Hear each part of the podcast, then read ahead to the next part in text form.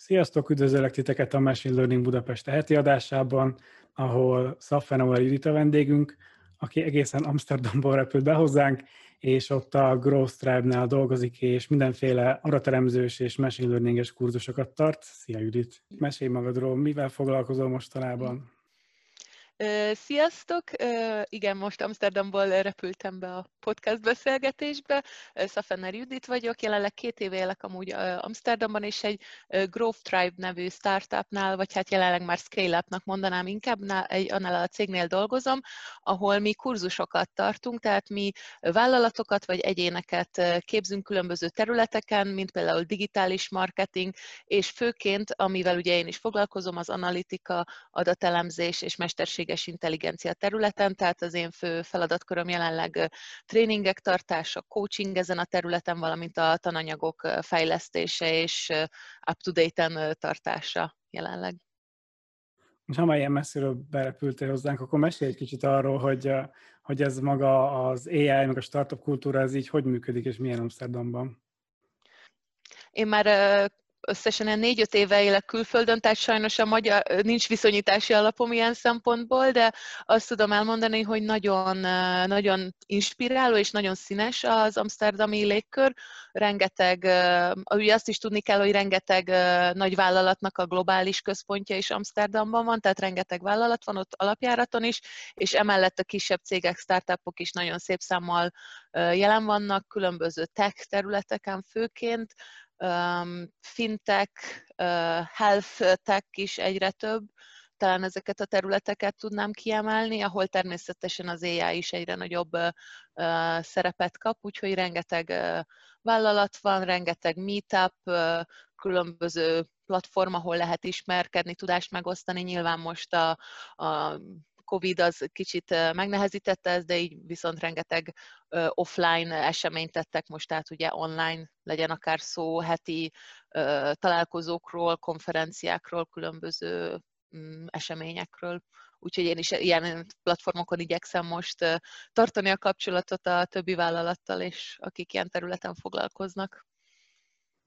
És ezt hogy sikerül szerinted összehozniuk, hogy mennyire van ebbe ez a mindenféle magánembereknek, befektetőknek, meg hogy ennek van valamilyen állami keretrendszer, gondolom, onnan támogatást kapnak?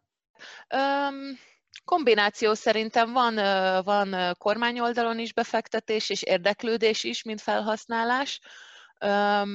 Rengeteg vállalat is ugye befektetési alapok is, tehát szerintem a kombináció, tehát nyilván van a vállalati részről is érdeklődés, és ilyen szempontból különböző innovációs laborok, vagy különböző belső inkubátorok kialakítása, de ugyanúgy a, a kormány oldalról is megvan a, a funding része a, a dolognak, amivel ugyanúgy támogatnak kis cégeket, nagy cégeket, és nem csak a, a mesterséges intelligencia fejlesztését, hanem ugyanúgy például tréningeket is, hogy valaki ezen a területen tudja magát képezni tovább.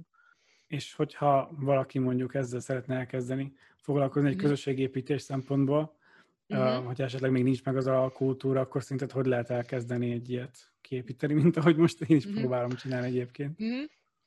Hát nem jó kérdés, szerintem rátaláltál a LinkedInre, mint egy nagyon jó platformra ezen a területen.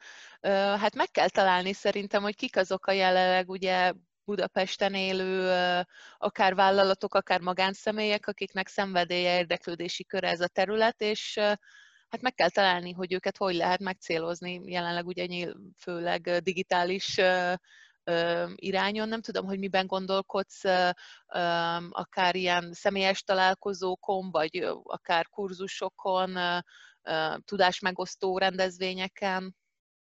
Mm, én mindenen, mindenen gondolom. Mindenen, mindenen. mindenen. Én például azt látom, mi ugye, mint egy vállalat, mi szoktunk hoztolni, vagy hát rendezvényeket tartani másokkal együtt is, tehát mi magunk is szoktunk sok sok rendezvényt tartani, nyilván most leginkább digitálisan webináriumok formájában a jelenlegi időszakban, de ezt szoktuk így közösen hoztolni másokkal is, és ezt látom ilyen, ilyen közösségi oldalon, hogy próbálnak ugye nyilván szponzorokat keresni, tehát hogy egy adott rendezvényt XY cég beáll mögé, szolgáltatja a helyszínt, akár cateringet, vagy amilyen infrastruktúra kell egy ilyen rendezvényhez. Tehát talán érdemes találni egy nagyobb szponzort, aki több egy eseménysorozatot képes végigölelni ilyen szempontból, vagy akár így havi rendszerességgel mindig egy másik cég, mert hát nyilván itt felmerülnek költségek, akár a helyszín, a, a nem is tudom, hát helyszín catering talán ez a kettő tétel, amire így most így hirtelen hmm. tudok gondolni, tehát ha, ha azokhoz talán lehet szponzor találni, mert szerintem ez vállalati oldalon is egy nagyon jó lehetőség a cégeknek, hogy egy ilyen ilyen lehetőséget tudnak támogatni, akár employer branding szempontból is szerintem egy nagyon hip új terület, ami mögé érdemes beállni és támogatni, úgyhogy úgyhogy ha esetleg valaki nézi, akkor most már tudják, kit kell keresni és felvenni a kapcsolatot, úgyhogy ha, ha Budapesten vagyok, én nagyon szívesen részt vennék egy ilyen rendezvényen, mert ugyan nem, nem élek Magyarországon, de nagyon szeretném legalább tájékoztatni magamat ilyen szempontból, hogy mi történik, kik azok, akiket érdemes követni, kikkel érdemes felvenni a kapcsolatot, úgyhogy én is majd nyitva tartom a szemeimet. Beszéltünk korábban arról, hogy egyre többen érdeklődnek a úgy a terület iránt, hogy machine learning adatok, uh-huh. mindenki ezzel akar foglalkozni, viszont nagyon sokan arcra esnek, mert bizonyos alapvető hibákat elkövetnek. Te mit látsz? Ugye rengeteg tréninget csináltam, úgyhogy ezzel aktívan foglalkozol, és látod, hogy hol, hol vannak valamilyen gyenge pontok, ami, ami hibákat sokszor elkövetnek, hogy mi az, ami mhm. miatt ezek a projektek könnyen el tudnak bukni. Hú, hát igen, ha már projektekről beszélünk, általában a statisztika, amit mindenhol látni, hogy több mint 80%-a az ilyen data pilot projekteknek nem megy végbe valós életbe, ami hát ugye egy elég masszív, extrém szám, és Hát igen, ez um, um, majd, majd megosztom szívesen a cikket, ami szerintem nagyon jól körül, körülírja ezt a problémát. A Harvard Business Review-ba jött ki szerintem 2019-ben, és ott úgy írják körbe ezt a problémát, hogy az utolsó mérföld, és arról beszélnek, hogy ez milyen jellegű frusztrációkat rejt, mint az adat csapattal kapcsolatban, mint az üzleti oldalon. Mert ugye akik a különböző data scientistek, engineerek azt látják, hogy belefektetnek rengeteg időt, energiát a különböző projektekbe, de valahogy a projektek mégse még sincsenek úgy értékelve, nem lesznek bevezetve, és nem lesznek fel kiterjesztve vállalati szintre. Ugyanakkor az üzleti oldalon meg azt látják, hogy oké, okay, belőlünk egy csomó pénzt vegyünk föl, nem tudom hány data scientist tehát csak megy el a pénz, de nem látják rögtön a, a megtérülését ezeknek a projekteknek. Nyilván ennek több több jellegű probléma lehet a, a fő okozója, amit ez a cikk, amiről beszéltem, amiről ők írnak, ez az utolsó mérföld probléma, az az, hogy a különböző például adatkommunikációs készségek hiánya. Tehát, hogy valakik nagyon jók adatelemzésben, machine learningben, a modellek fejlesztésében, optimalizálásában, de ezt nem tudják elmagyarázni mondjuk egy üzleti kollégának, akinek nincs meg ez a jellegű háttere, és mondjuk ha az az üzleti kolléga a döntéshozó, neki van meg a hatásköre, a tekintélye, hogy azt a projektet hogy mondjam, megnyomja a zöld gombot, és nem a piros gombot, akkor az, az, az probléma bizony. Tehát tehát mi nagyon próbálunk odafigyelni, hogy, hogy ez az üzleti és, a, és az adatorientált rész a vállalatnál az jobban összefolyjon, és hogy egy vállalat jobban oda, jobban képes legyen arra tehát, hogy arról, arról beszéltem, hogy, hogy a vállalatok jobban át tudják látni, hogy mik azok a projektek, még mielőtt elkezdünk rajtuk dolgozni, hogy mik azok a projektek, amikben a legnagyobb potenciál van ilyen szempontból. És ehhez nem csak data scientistek kellenek, hanem ehhez kellenek az úgynevezett domain expertök, ahhoz, akiknek ugye az adott területen van a legjobb tudása. Tehát például, ha én mondjuk kócsolok és segítek egy vállalatnak, akkor ugyanúgy nekem is kérdeznem kell, mert én oké, okay, hogy látom a, látom a helyzetet, de nem én vagyok az, aki az adott területen dolgozik, nem ismerem a kulcsmutatókat, nem tudom, hogy nekik mi a siker, hogy úgy mondjam. Tehát ilyen szempontból nagyon jó lesz a mm, fordítást, fordítást meg kell csinálni, és például az egyik előző podcast beszélgetésben nagyon tetszett, hogy az úgynevezett hídember kifejezést használtátok, és szerintem nagyon jól le is írja a, a problémát, és hogy, hogy ilyen, milyen jellegű készségek azok, amik, amik nagyon sokszor hiányoznak. Tehát olyan emberek, vagy igen, olyan hibrid, hibrid emberek, akik átlátják az adott vállalatnál az üzleti elemeket, mik az üzleti sikerességnek a titkai, miket kell optimalizálni, és oké, okay, hogyan fordítsuk ezt a problémát, üzleti problémából egy adatorientált problémára, hogy úgy mondjam.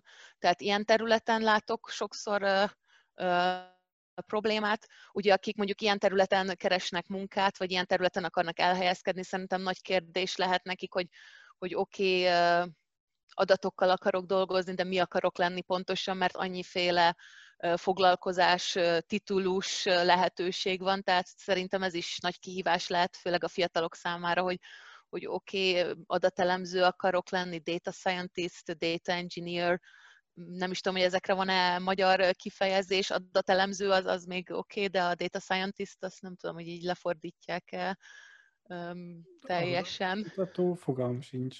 Adattudós. Adattudós. Azt már talán hallottam, vagy, vagy főleg inkább a scientist és az engineer közötti különbségek. Ezt sokszor én úgy látom a legjobban, hogy mondjuk megnézek LinkedIn-en egy adott, mondjuk egy hirdetést, és megnézem, hogy miket, mik azok a skillek, mik, az a, mik azok a múltbéli tapasztalatok, amiket elvárnak, és így nagyon sokszor azt látom, hogy hát sok szerencsét, nem tudom, hogy ilyen unikorn is van-e, de ha van is, nagyon drága lesz. Úgyhogy Úgyhogy sokszor, sokszor látom vállalati oldalon is, hogy nem teljesen tiszta talán az, hogy, hogy milyen profilt keresnek. Lehet, hogy, hogy, hogy data scientistet keresnek a LinkedIn alapján, de lehet nekik inkább engineer kéne, mert hogy már megvannak a pilot projektek, csak azokat kell ugye kiterjeszteni, az adat infrastruktúrát kiépíteni, ez egy teljesen más feladatkör, teljesen más technológiával foglalkoznak, úgyhogy ezeket érdemes talán jól végig gondolni a, a, a vállalatnak. Itt is rengeteg hasznos internetes cikk és kutatás, kimutatás elérhető, úgyhogy itt érdemes talán elkezdeni. A készségek, igen, tehát a készségek, kompetenciák jobban való körülírása. De ha már elkezdtél erről beszélni, akkor szerintem uh-huh. menjünk bele mélyebben, hogy uh-huh. Neked ugye van erre elég jó rálátásod, hogy mégis mik azok a szerepek, amik, amik vannak, mik azok a munkakörök, és mondjuk, hogy melyikhez mi az a tudás, amire szükség van, és melyikkel mit uh-huh. lehet csinálni, hogyha egy cég fel akar venni egy-egy ilyen embert. Uh-huh. Hát rengeteg szerep van nyilván, és ugye ezek csak egyre inkább növekednek, de szerintem az ilyen legfőbb feladatköröket talán össze lehet foglalni a, az Analyst, Scientist, Engineer trióval, úgymond, de szerintem ami még ennél a háromnál is fontosabb, az a, az a döntéshozói réteg, és hogy meglegyen a döntéshozói körben a vállalatnál egy olyan ember, akinek megvan a, a tekintélye, a hatásköre, és nem utolsó sorban a budgete arra, hogy ilyen jellegű projekteket elindítson, és ilyen jellegű embereket felvegyen. És szerintem itt a legfontosabb az, hogy ezeket, ezeknek az embereknek is meglegyen, ha nem is teljesen egy gyakorlatorientált tudása, de legalább egy holisztikus látásmódja, hogy oké, okay, mi az a machine learning, mik a fő felhasználási módjai, és még ennél is fontosabb az, hogy oké, okay, nagyon sok mindent lehet machine learning-gel csinálni, de hogy képesek legyenek azt, azt felmérni, hogy mi ebből a legrelevánsabb az ő cégüknek tehát például mi, amikor ilyen rövid kurzusokat tartunk, nyilván többfajta kurzusokat tartunk, van például egyéves ilyen data scientist programunk is, de van háromnapos tréning, és most nyilván egy háromnapos tréning alatt nem lesz valaki data scientist, az, az, az teljesen egyértelmű. Viszont három nap alatt tudunk egy jó hogy mondjam, overview-t adni arról, hogy mik jelenleg a legfőbb felhasználási módok, azokat hogy kategorizáljuk, hogy csoportosítjuk, és nem utolsó sorban, hogy definiáljuk a, a, a mérőszámokat és a kulcsmutatókat, tehát megbeszéljük, hogy oké, okay, mikor lesz egy algoritmus sikeres, hogy definiáljuk a sikert, mi számít jónak, milyen jellegű üzleti problémához, milyen jellegű machine learning megoldásokat lehet alkalmazni. És ehhez, ami szerintem nagyon fontos, és ez szerintem egy nagyon fontos trend is, hogy egyre több olyan technológiát és alkalmazást látok, ahol ez a úgymond low-code mm, environment működik. Tehát tudsz úgy algoritmusokat trénálni, alkalmazni, hiperparamétereket beállítani, hogy egy, egy, egy sor Python-t nem kell kódolni.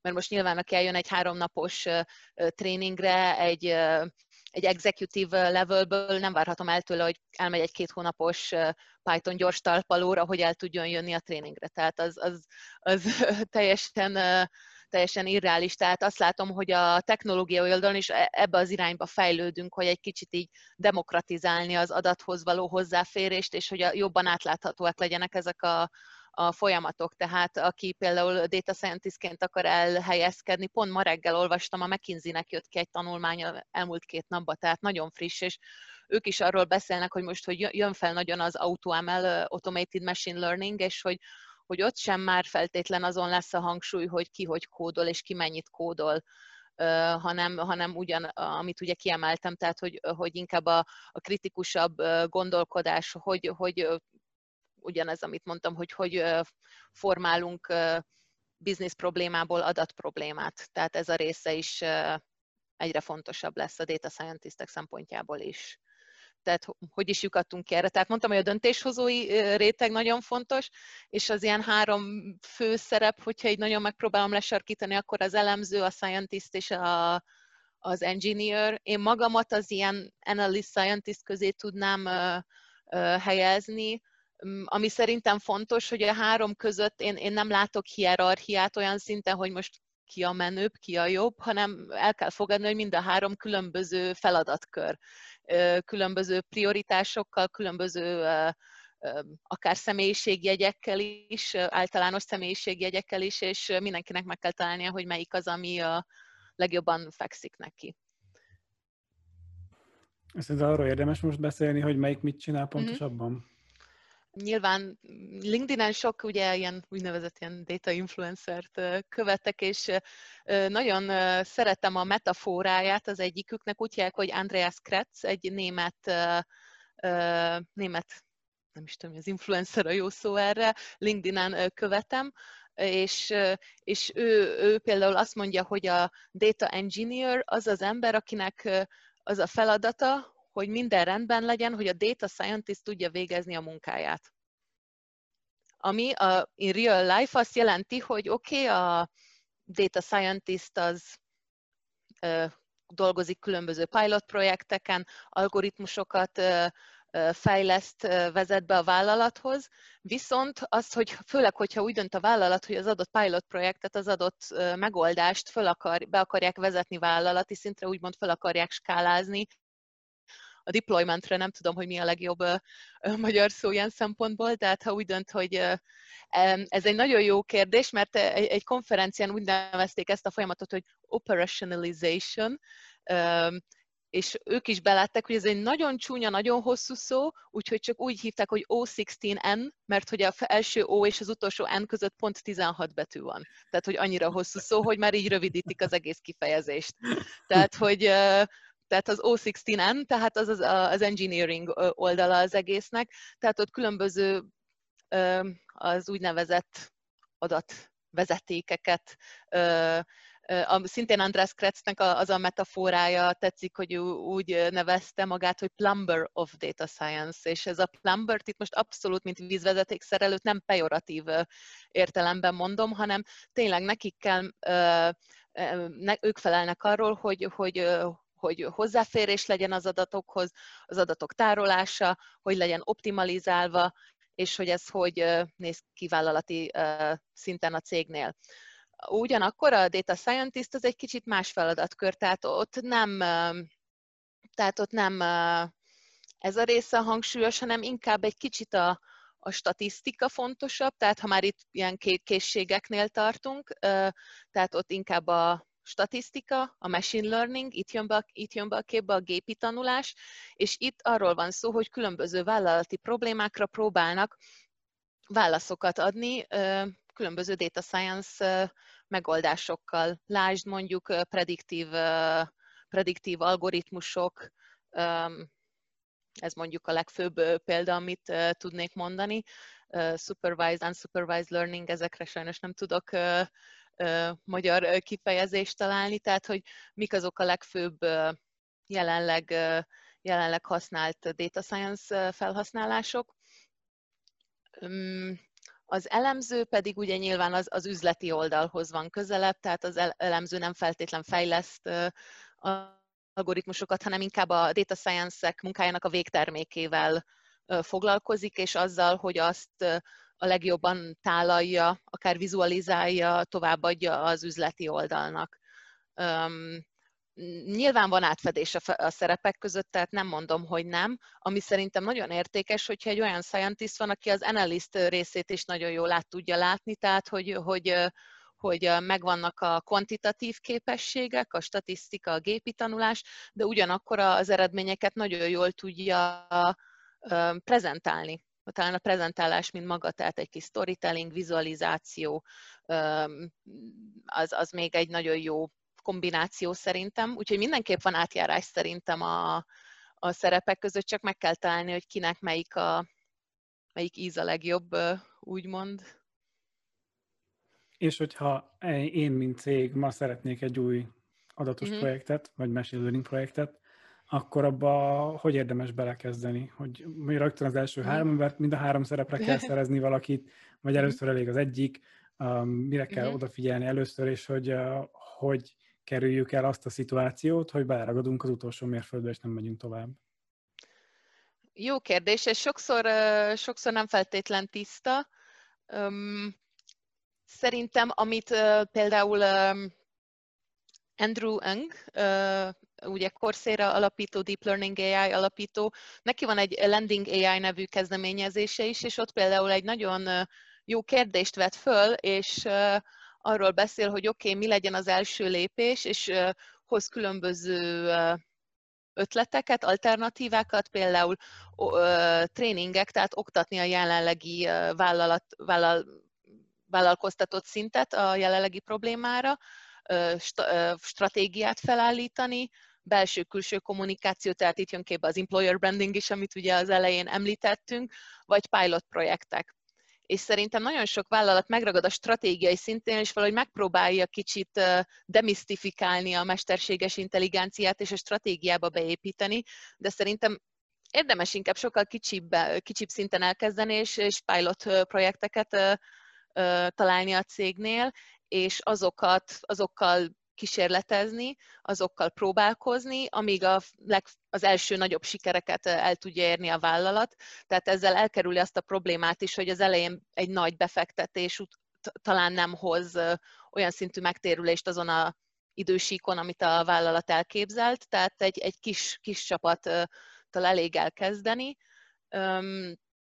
kis csapattal elég elkezdeni, és itt jön szerintem megint, megint csak vissza tudok utalni a döntéshozói szintre, hogy itt kell viszont az az ember, aki meg tudja teremteni azt a lehetőséget, hogy ez a kis csapat tényleg tudjon pilot projekteken dolgozni, és nem lesznek elhavazva más adhok feladatokkal, más requestekkel, amik ugye folyamatosan elterelik a figyelmüket, és és nem marad idejük arra, ami, amire alapból kellett volna, hogy legyen. Például így látom, hogy nagyobb vállalatok ezt úgy oldják meg, hogy kialakítanak egy, egy külön ilyen úgymond innovációs központot, lebet, nyilván ez több néven is, néven is futhat, tehát nyilván van sok data scientist és analyst, aki a vállalatnál dolgozik, csak próbálnak egy ilyen szeparált részleget kialakítani, akiket tényleg nem tényleg nem keresnek más feladatokkal, nem vonják be őket ilyen rövid távú kis projektekbe, hanem tényleg tudnak pilot projekteken dolgozni,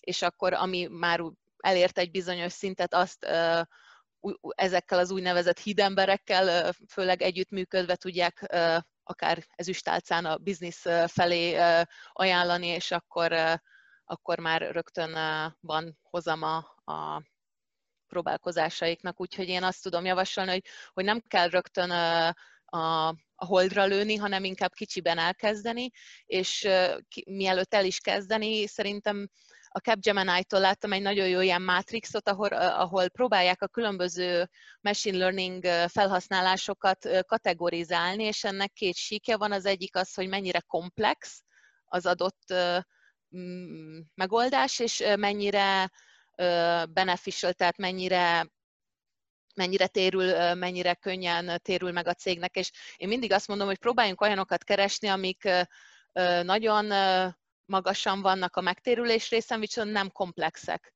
Tehát ezek az ilyen nagyon gyors, könnyű lehetőségek, az angolul úgynevezett low hanging fruit, tehát a, a legkönnyebben elérhető gyümölcs, talán így tudnám a metaforát lefordítani, tehát ezeket érdemes szerintem megtalálni, hogy mik azok, amik, amik, amik a legkönnyebben tudnak akár egy hogy mondjam, releváns eredményt mutatni, mert hogyha van releváns eredmény, az azzal megcsillantja a sikert a, a vállalat többi részénél, és akár még féltékenységet is okozhat, de most a féltékenységet pozitív néven értem, mert elterjed a hír, hogy hm, a harmadik emeleten már predikciós modelleket alkalmaznak, hm, akkor nekünk is kell a negyedikre, szóval most ez ilyen fura példa, de, de valahogy el kell terjeszteni, úgyhogy Úgyhogy ilyen, ilyen szempontokból, tehát ezt tudom leginkább javasolni, hogy nagyon kritikusan végig kell gondolni, hogy oké, okay, mondjuk mi egy, tehát mondjuk egy Netflixhez hasonló alkalmazás vagyunk, akkor mondjuk nyilván az első logikus lépés lenne az, hogy oké, okay, próbáljuk meg megjósolni, hogy kik lesznek azok a felhasználók, akik a következő hónapban mondjuk lemondják az alkalmazást, és mit tehetünk meg, hogy, hogy őket tovább tartsuk nálunk. Tehát ez a churn prediction például ez egy ilyen nagyon tipikus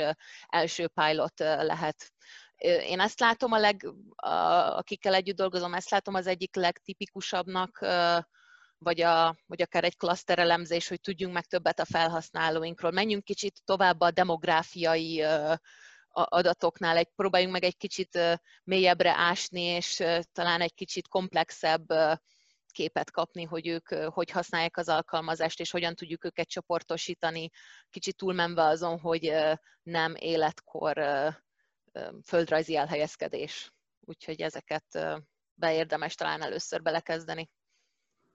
Igen, én is azt látom, hogy, hogy hogyha nagyon, nagyon-nagyon nagy projektekbe fognak bele a cégek elsőre, akkor abban nagyon hamar bele tud törni a bicskájuk, főleg, hogy semmi tapasztalatuk nincs.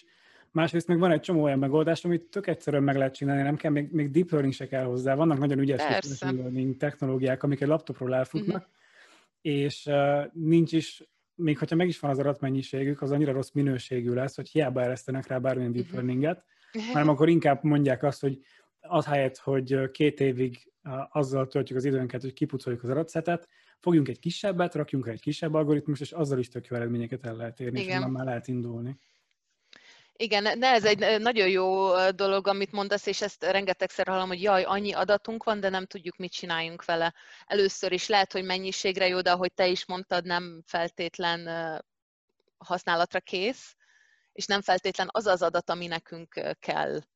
Tehát nem lehet több száz oszlopod abba az adattáblába, ha nem túl relevánsak ugye a modellhez képest. Tehát már csak ezért is szerintem a pilotokba érdemes belekezdeni, mert akkor legalább kapunk egy első képet, hogy oké, okay, mik a legfontosabb mutatók számunkra, és miket kell gyűjteni a jövőbe, mert most, ha mindent megpróbálunk tárolni, az egyrészt nagyon drága lesz, és honnan tudod előre, hogy, hogy mire, lesz, mire lesz szükséged, és hogy mik a legfontosabbak. Nyilván vannak főbb csapásvonalak, amiket lehet követni, de, de abszolút én is ezt látom, hogy nagyon komplex problémákba, ha belekezdünk, akkor, akkor abból hamarra, hogy te is mondtad, nem lesz feltétlen jó vége és ugyanaz én is csak ezt tudom mondani, hogy, hogy, hogy nem feltétlen kell deep learning minden, minden problémához, sőt nem is kell machine learning minden problémához. Tehát ez is szerintem egy trend, hogy most akkor menő a, a mesterséges intelligencia, és akkor minden problémára mesterséges intelligencia kell. Nem.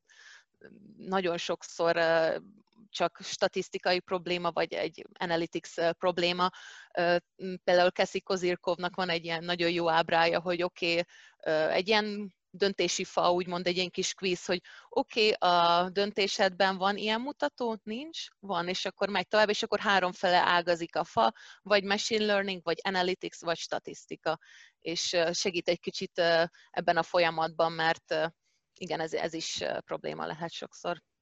Igen, én dolgoztam egyszer egy machine learning piloton, ahol uh-huh. már ott tartottak az emberek, hogy akkor erre deep learninget rakjunk rá, mert a decision tree nem elég pontos, és aztán uh-huh. amikor kiprinteltük, hogy mégis mik azok a dolgok, amik így befolyásolják az előrejelzést, akkor valójában uh-huh. egy lineáris kapcsolat volt konkrétan két változó között.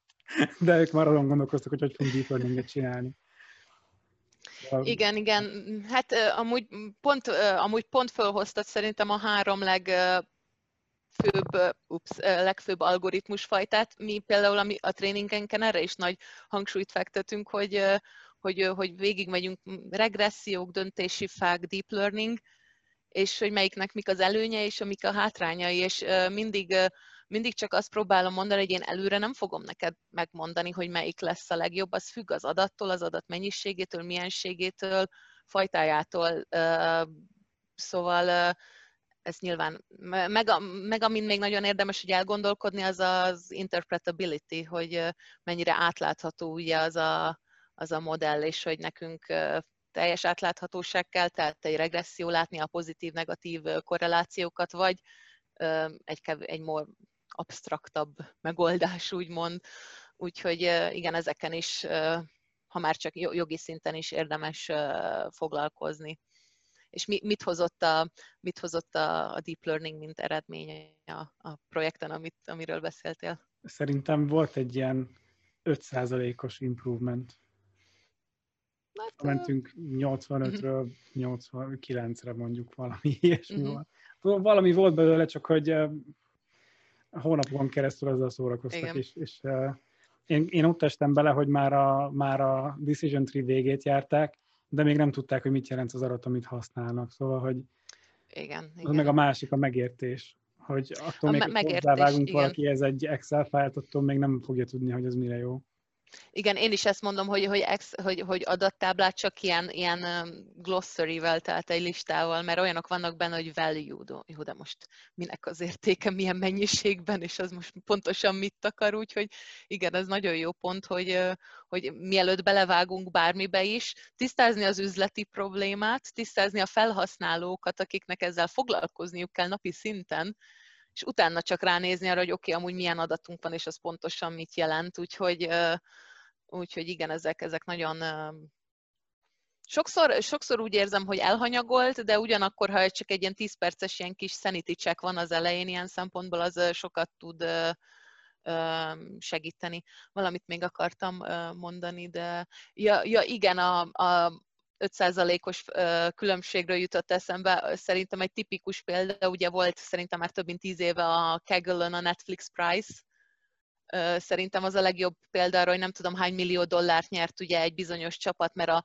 Netflixnek javítottak a, az algoritmusán, ugyanakkor a Netflix ezt az algoritmus sose használta.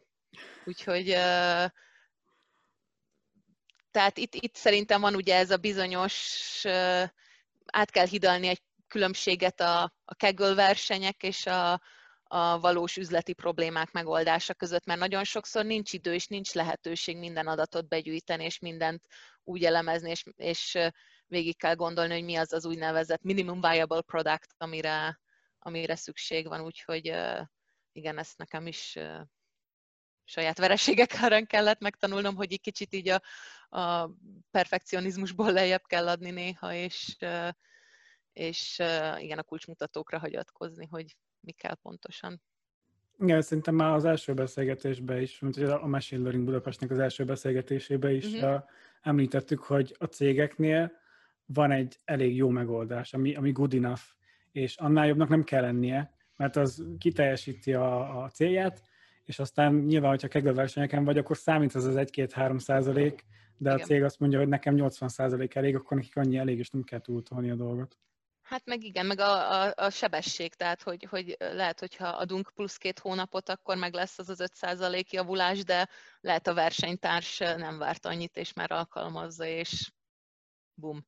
úgyhogy, úgyhogy igen, itt szerintem van egy ilyen mérleg mindkét oldalát a, ebbe a kérdésbe a algoritmus mérőszámait és a, a, a sebességet érdemes meg, megnézni, hogy milyen, mik a szükségek, mi az, mik az igények, és azt mennyi idő alatt tudjuk valósággá helyezni. Úgyhogy igen, ezek Ezek nagyon jó kérdéskörök, meg szerintem az is sok, az is nagyban függ, hogy milyen vállalatról beszélünk, tehát nagy vállalatról, kis vállalatról, vagy olyan vállalat, ami ugye mm, AI native úgymond, tehát egy AI alkalmazás a fő termékük, és azt értékesítik. Mi általában olyan cégekkel dolgozunk, nem ilyen cégekkel dolgozunk, nem AI native cégekkel, hanem bármilyen vállalat, aki csak elkezd ilyen jellegben elindulni, és jobban úgynevezett adatorientált lenni ilyen szinten. Meg beszéltünk most sokat erről az összekötő, erről a Hiddenberg karakterről, uh-huh. hogy arról mit gondolsz, hogy, hogy hogy hogy fog bejönni a köztudatba ez a szerep, mert hogy úgy érzem, hogy annyira még uh-huh. nem nincs ott, hogy mondjuk mi egy machine learning összekötő embert keresünk, hogy ez szerinted inkább lesz egy külön állás, vagy, vagy ez inkább csak egy továbbfejlődése a, a vezetőségnek, és egy új skill, amit meg kell tanulni? Uh-huh. Jó kérdés. Én ezt szoktam így monitorálni is, hogy így rámegyek LinkedIn-en, és rákeresni, hogy oké, okay, én keresek embereket, akiknek ez a job title-je, hogy Analytics Translator, és így általában nyilván nem ad sok találatot. Én ezt több, több szerintem több alternatíva van, és amúgy szerintem, ami igaz, hogy szerintem már manapság van rengeteg ember, aki ezt csinálja, csak nincs teljesen tisztában azzal, hogy, hogy, hogy ő ezt napi szinten csinálja, és napi szinten kommunikál a, a technical teammel is, és a business teammel is, és fordítgat a kettő között. Különböző most itt nyilván nem különböző nyelveken értem, hanem csak a, a, az üzleti részének elmondani, hogy oké, mivel foglalkozik a technikai csapat, hogy mindkét oldal megértse egymást. Szóval szerintem már sok ember most is ezt csinálja, csak nem feltétlen ez a titulusa. Én nem feltétlen azt látom re, reálisnak, hogy ez egy külön feladatkör lesz, hanem én inkább ilyen rész munkaidőnek tudnám itt például Amsterdamban nagyon sok úgynevezett ilyen digital product owner van, aki ugye egy adat, mondjuk egy, egy terméket körülölel, és minden a, közé, a köré tartozó funkciót. Talán abban látok nagy lehetőséget, hogy azok az emberek, akik ezek az úgynevezett product ownerök, ők ugye látják át legjobban a terméket, náluk megvan ez a domain expertise, és ha ők, ők egy kicsit így a adat szinten is fejfejlesztik magukat, akkor ők egy nagyon jó candidatek egy, egy ilyen mm, feladatkörre. Vagy, a, a, vagy amit te is mondtál, hogy a döntéshozói részt is kicsit mm, e, felnyitni a szemüket erre a témakörre. Úgyhogy több opció is lehet. Nyilván nagyobb cégnél megvan az a lehetőség, hogy akár teljes munkaidőbe csinálja ezt az ember, de ahhoz szerintem olyan embert kell találni, mi ezt például egy Venn diagramon ábrázoljuk, ahol négy komponens van. Az egyik az, hogy a, az adatokhoz való kompetenciák, kvantitatív képességek, nem feltétlen trénelni fejleszteni algoritmusokat, de átlátni nagyon jól, hogy mik van. Megvan a domain expertise, tehát adott vállalati részt nagyon jól átlátják, az üzleti részét a dolognak. Projektmanagement, az is kell ugye hozzá elég keményen, és a megfelelő úgynevezett kicsit vállalkozói szellem, tehát akiben megvan ez az affinitás, hogy, hogy igen, én vagyok a, a pók a, a, a hálóban, aki mindenkit átlát, és mindenki között tartom a kapcsolatot. Tehát ez is egy, egy kicsit unikorn is, de nem feltétlen szerintem, úgyhogy érdekes feladatkör mindenképp. Úgyhogy meglátjuk, hogy az elkövetkezendő pár évben milyen előrelépések lesznek ezen a területen. De ez szerintem ilyen két-három éve van így nagyon a, köztudatban úgymond, talán akkor jöttek ki az ilyen első nagyobb cikkek a témakörben, akkor még a McKinsey azt mondta, hogy csak Amerikában több millió uh, Analytics Translatorre van szükség. Meglátjuk. És ha már elkövetkezendő két-három év, mit vársz a terület, merre fog fejlődni szerinted machine learning, AI? Hú, nagyon, nagyon jó kérdés. Hát nyilván a munkaerői, munkaerőpiac fog alakulni valamilyen szinten, és a, ebben, ezen a területen is szerintem a szerepek át fognak alakulni. Amit ugye már említettem, szerintem az is nagyon fontos trend, hogy a, hogy a kód, kódolás, a kód memorá, hogy mondjam, a kód betanulását talán már kevésbé fontos, és inkább a, a amit ugye említettem, tehát a, a, adat, úgynevezett a business savvy tudást áthelyezni egy, egy data savvy tudásba is, tehát ezek között a, a, a fordítást minél jobban megcsinálni, tehát mindenképp látok nagy, mindenképp látok változásokat a szerepkörök, tehát ezek, ezek úgynevezett, angol úgynevezett hybrid rólok, és ezt el kell fogadni valamilyen szinten, hogy, hogy szerintem nagyon sokan vannak, akik ezt csinálják, és mondjuk nem ezt tanulták egyetemen, vagy nem. Tehát én, amikor gimnáziumba jártam, halványilag gőzöm nem volt arról, hogy mi az, hogy data scientist, vagy hogy UX designer, vagy product owner, tehát annyi olyan feladatkör van, annyi olyan titulus, ami öt éve még nem is létezett, és szerintem öt év múlva is annyi olyan titulus lesz, amiről ma nem tudjuk, hogy, hogy micsoda, úgyhogy én csak azt tudom javasolni, hogy, hogy, hogy meg kell találni azokat a médiumokat ilyen szempontból, ahol legjobban tudunk értesülni, magunkat képezni, és csak up-to-date maradni legjobban ezen a technológia területen, mert napról napra annyi fejlődés jön hogy ember a talpán, aki mindent el tud olvasni, és mindenkivel tudja tartani a, a, a szintet. Nyilván nekem is megvan pár kedvencem, akit követek a LinkedIn-en, és nekik a cikkeiket elolvasom, de hát nyilván amit, amit csak lehet, próbálok én is magamat képben tartani, úgyhogy szerintem elég nagy shift várható ilyen szempontból. Olyan szinten is, hogy szerintem most ez az úgynevezett nagy nem is tudom, hogy mondjam, érdeklődés a mesterséges intelligencia iránt.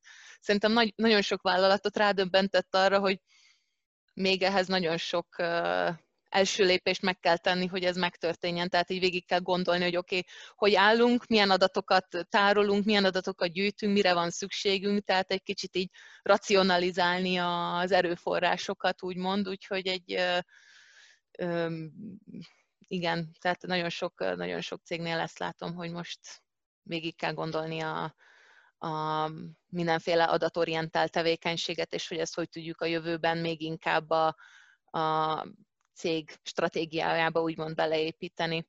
Úgyhogy most ilyen szempontból is egyre több olvasmány van, különböző adatstratégiák és azoknak a legjobb alkalmazása területen, úgyhogy én például ilyen területen olvasok most inkább többet, ezek, ezek a területek érdekelnek.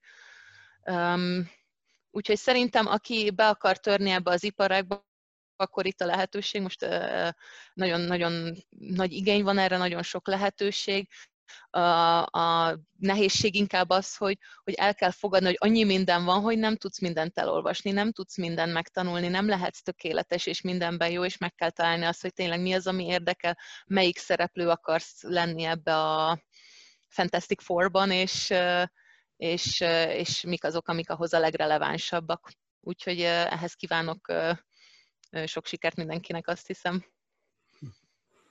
És mit gondolsz arról, hogy milyen pozíciók fognak veszélybe kerülni, és milyenek, milyenek fognak uh-huh. létrejönni?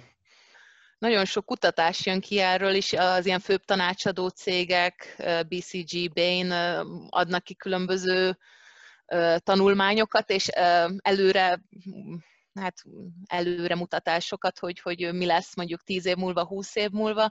Amit ugye főként látok, és nagyon sokszor úgy látom, hogy, hogy össze összekeverjük, vagy összemossuk kicsit a mesterséges intelligenciát az automatizálással. És szinonimaként kezeljük őket, pedig nem ugyanaz. De azt nem mondom, hogy nem nincs közük egymáshoz, inkább azt mondom, hogy a kettő együtt, tehát a kombinációja egy mondjuk egy prediktív modellnek, és annak az automatizálással inkább a kettő kombinációja az, ami, amilyen szinten nagyon-nagyon tud segíteni egy vállalatnak, és az segít most nagyon sokat, hogy ez egyre könnyebben és egyre olcsóbban elérhető. És most már az nem kifogás, hogy nem, nekem nincs pénzem ilyenekre, mert fölmész a Amazon Web Services-re, vagy bármelyik hasonló, és fillérekért, tényleg fillérekért tudsz nagyon jó algoritmusokat alkalmazni. Úgyhogy Úgyhogy ez is ugye nyilván így egy úgynevezett olaja a tűzre ilyen szempontból, de a, a, a foglalkozások, amik a leginkább veszélyeztetettek, hát nyilván amik ilyen szempontból nagyon könnyen automatizálhatóak, és nagyon könnyen predictable, hogyha ezt így lehet mondani. Most például, amik a legjobban így, vagy leginkább eszembe jutnak mondjuk egy mondjuk egy mondjuk képfelismerő technológia alkalmazás egy gyárakba. Mondjuk előtte ott kellett állni egy embernek, és zöld pipát rekni, hogy igen, ez a termék helyes, nem, ez a termék hibás. Most már egy algoritmus is nagyon jól meg tudja mondani a pixelek alapján, hogy igen, ez a termék ez helyes, ez a termék ez hibás, és már nem kell ott állni egy, egy embernek a gyárba, hogy ezt, hogy ezt megmondja.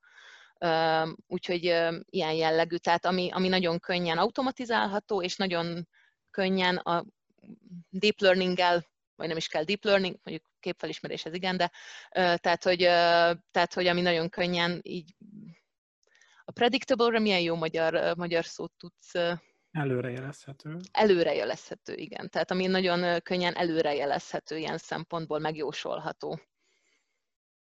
Úgyhogy ennek a kettőnek a kombinációja az amúgy a, azt hiszem az Oxfordi Egyetem vizsgált meg ilyen 6-700 állást, és azt hiszem az a weboldal neve, hogy willrobotstakemyjob.com, azt hiszem valami ilyesmi neve van, és akkor így be tudod írni, hogy mi a mostani, fel, mi a mostani állásod, és akkor megmond egy százalékot, hogy, hogy hány százalék az esély annak, hogy ez, a, ez az állás automatizálva lesz, vagy, vagy nem. De nagyon sokszor én úgy veszem észre, hogy próbálják démonizálni ezt a, ezt a területet, és, és úgy beszélni róla, mint ilyen humanoid robotok jönnek, és, és mindent elvesznek tőlünk, de azért azért nagyon messze vagyunk még az ilyen general AI-tól, úgyhogy én nem vagyok borulátó abszolút, és amúgy az előrejelzések is azt mutatják, hogy a nagyon nagy szinten nézve több, több lehetőség van, mint több veszteség ilyen szempontból. Tehát amit mondtunk is, hogy nagyon sok új új készségre van szükség, új állások jönnek létre, de ezek az állások még olyan újak, hogy, hogy most még nem mondhatom a 14-5 éves unokaöcsémnek, hogy mit csináljon, mert, mert ezek még, még szimplán nem léteznek, úgyhogy, úgyhogy ilyen szinten csak azt tudom mondani, hogy, hogy, hogy képben kell lenni, nagyon ilyen szempontból digitálisnak, digitálisnak lenni, és követni a fejleményeket, és hogy mik a, mik a leginkább foglalkoztatott készségek. Nem is feltétlen diplomákról beszélek, hanem csak készségekről. Például UX design. Nem hinném, hogy bárhol is van egy Master of Science in UX design. Tehát, vagy lehet, hogy van, de, de akik ezen a területen dolgoznak, nem tudom hányuknak van ilyen jellegű képessége. Tehát például a vállalat is, ahol dolgozom, a Growth Tribe-ot folyamatosan nézzük, hogy mik azok a, mik azok a leggyakrabban, leg, leginkább igényelt készségek a jelenlegi digitális piacon, és oké, okay, van egy digital skill gap, és azt hogy zárhatjuk be, és azt hogy, hogy fejleszthetjük az embereket, hogy, hogy munkaképesek legyenek, és hogy a tudásukkal szinten tartják ezeken a területeken. Igen, meg uh, arról is beszélgettünk korábbi beszélgetésekben is, hogy attól még, hogy valamit meg lehet csinálni a machine learning vagy ai nem feltétlenül fogjuk minden területen, és itt ugye említettük az orvosokat, hogy nyilván most már a képfelismerő pár százalékkal ügyesebb a rák előrejelzésbe, de azért mégsem mész el mhm. egy, egy robothoz, orvoshoz, hanem elmész a, a dokithoz, a házi orvosodhoz. Másrészt meg sokan vannak, akik ezt nagyon a szívügyüknek gondolják ezt a témát, és azt mondják, hogy mondjuk én a kis saját AI cégemmel nem fogok olyan projektet csinálni, ami más embernek a munkáját elveszi. Ilyenről is hallottam. Igen, látom a problémát, és nyilván ennek van egy elég komoly etikai vonulata is, amit ugye elég nehéz definiálni, hogy most kinek mi az etikus, és kinek mi nem. Mi, mi úgy próbáljuk, amikor ugye beszélünk arról, hogy meg kell találni, hogy mi az átmenet a üzletileg releváns, és jelenleg lehetséges az AI iránt, hogy ezek között próbáljuk a metszetet megtalálni, és akkor azt szoktuk mondani, hogy jó, de a metszet az legyen kivitelezhető, profitábilis és etikus. És ebből a háromból az etikus a leg neccesebb, úgymond, vagy a legkev, legkevésbé definiálható. Nyilván vannak már direktívák és különböző vélemények a, a, a területen. Én inkább azt mondom, amúgy ez az orvosi példa szerintem nagyon jó, és én itt amúgy erre azt mondanám, hogy a robot az sose lesz az orvosom, de a robot az nagyon fog segíteni az én orvosomnak, hogy a legjobban foglalkozzon velem. Szóval ilyen szempontból csak azt tudnám mondani, hogy az orvosnak több ideje lesz az, a páciensekkel foglalkozni, és hogy, hogy átalakul a, a, a szakmája, tehát nem helyettesítve lesz, hanem csak átalakul, és az algoritmus nem elveszi, hanem segíti a munkáját ilyen szempontból. Úgyhogy szerintem e, e, ezt, ezt, ezt sokszor így kicsit démonizáljuk és félre mondjuk szerintem nem ugyanaz, még akár egy, ilyen, akár egy marketing területen is, ha mondjuk klaszterelemzést tartunk a, a, az felhasználóinkról, és az mondjuk az a modell az felülbírálja a jelenlegi marketing csapat által felállított szegmentációt, de én akkor se azt mondom, hogy jó, akkor ezentúl az algoritmus lesz az én marketingesem, és akkor ti mehettek haza. Nem, azt mondom, hogy kérjük ki az algoritmus véleményét, vegyük bele a döntéshozatalba, és próbáljuk meg kicsit így magasabb szintre helyezni ilyen szempontból a döntéseket. Tehát a helyettesítés és a segítés az azért nem ugyanaz, és, és ezért fontos, hogyha megtanuljuk azokat a készségeket, hogy, hogy, hogy még jobban tudja segíteni ilyen szempontból az algoritmus a munkánkat. Úgyhogy az orvosi terület is ilyen szempontból nagyon releváns szerintem. A, egy nagyon jó példa, van egy amsterdami startup, az a neve, hogy Skin Vision, egy appot fejlesztettek ki, és arról szól, hogy lefotózod az anyajegyedet, és akkor mond egy predikciót, hogy a, hogy a te anyajegyed az high risk, magas kockázatú, vagy alacsony kockázatú és ez mondjuk nem azt jelenti, hogy jó, akkor senki nem fog bőrgyógyászhoz járni, hanem, hanem azt jelenti, hogy, hogy, hogy, hogy a bőrgyógyásznak sokkal sokkal több releváns e, esete lesz ilyen szempontból. Tehát itt végig kell gondolni, hogy a, hogy a mármint ha algoritmusokról beszélünk, hogy ne akkor a false pozitívokat vagy a false negatívokat próbáljuk csökkenteni, és akkor végig gondolni, hogy hogy, hogy tudjuk ezt így magasabb szinten optimalizálni. Ezek nagyon érdekes kérdések, és szerintem én, én inkább annak a híve vagyok, hogy próbáljuk meg az algoritmust a segítségünként használni, és nem ellenfélként fölfogni. Judit, köszönöm szépen. Szerintem ez egy tökéletes végszó. Ne félj a robottól. ne félj a robottól, de ismerd meg. ez... Hol találnak meg a hallgatók, nézők? Uh-huh. LinkedIn-en szívesen veszem, ha ír bárki nyugodtan, úgyhogy be fogjuk linkelni a profilomat, ott nyugodtan lehet keresni, felvenni velem a kapcsolatot. Igazából azt tudom akkor javasolni. És köszönöm szépen a meghívást, és igyekszem a következő epizódokkal is majd figyelemmel követni, és ha Budapesten járok, akkor akár személyesen is részt venni bármelyik rendezvényen. Köszönöm szépen, és köszönöm a beszélgetést. Én is. Szia! Szia!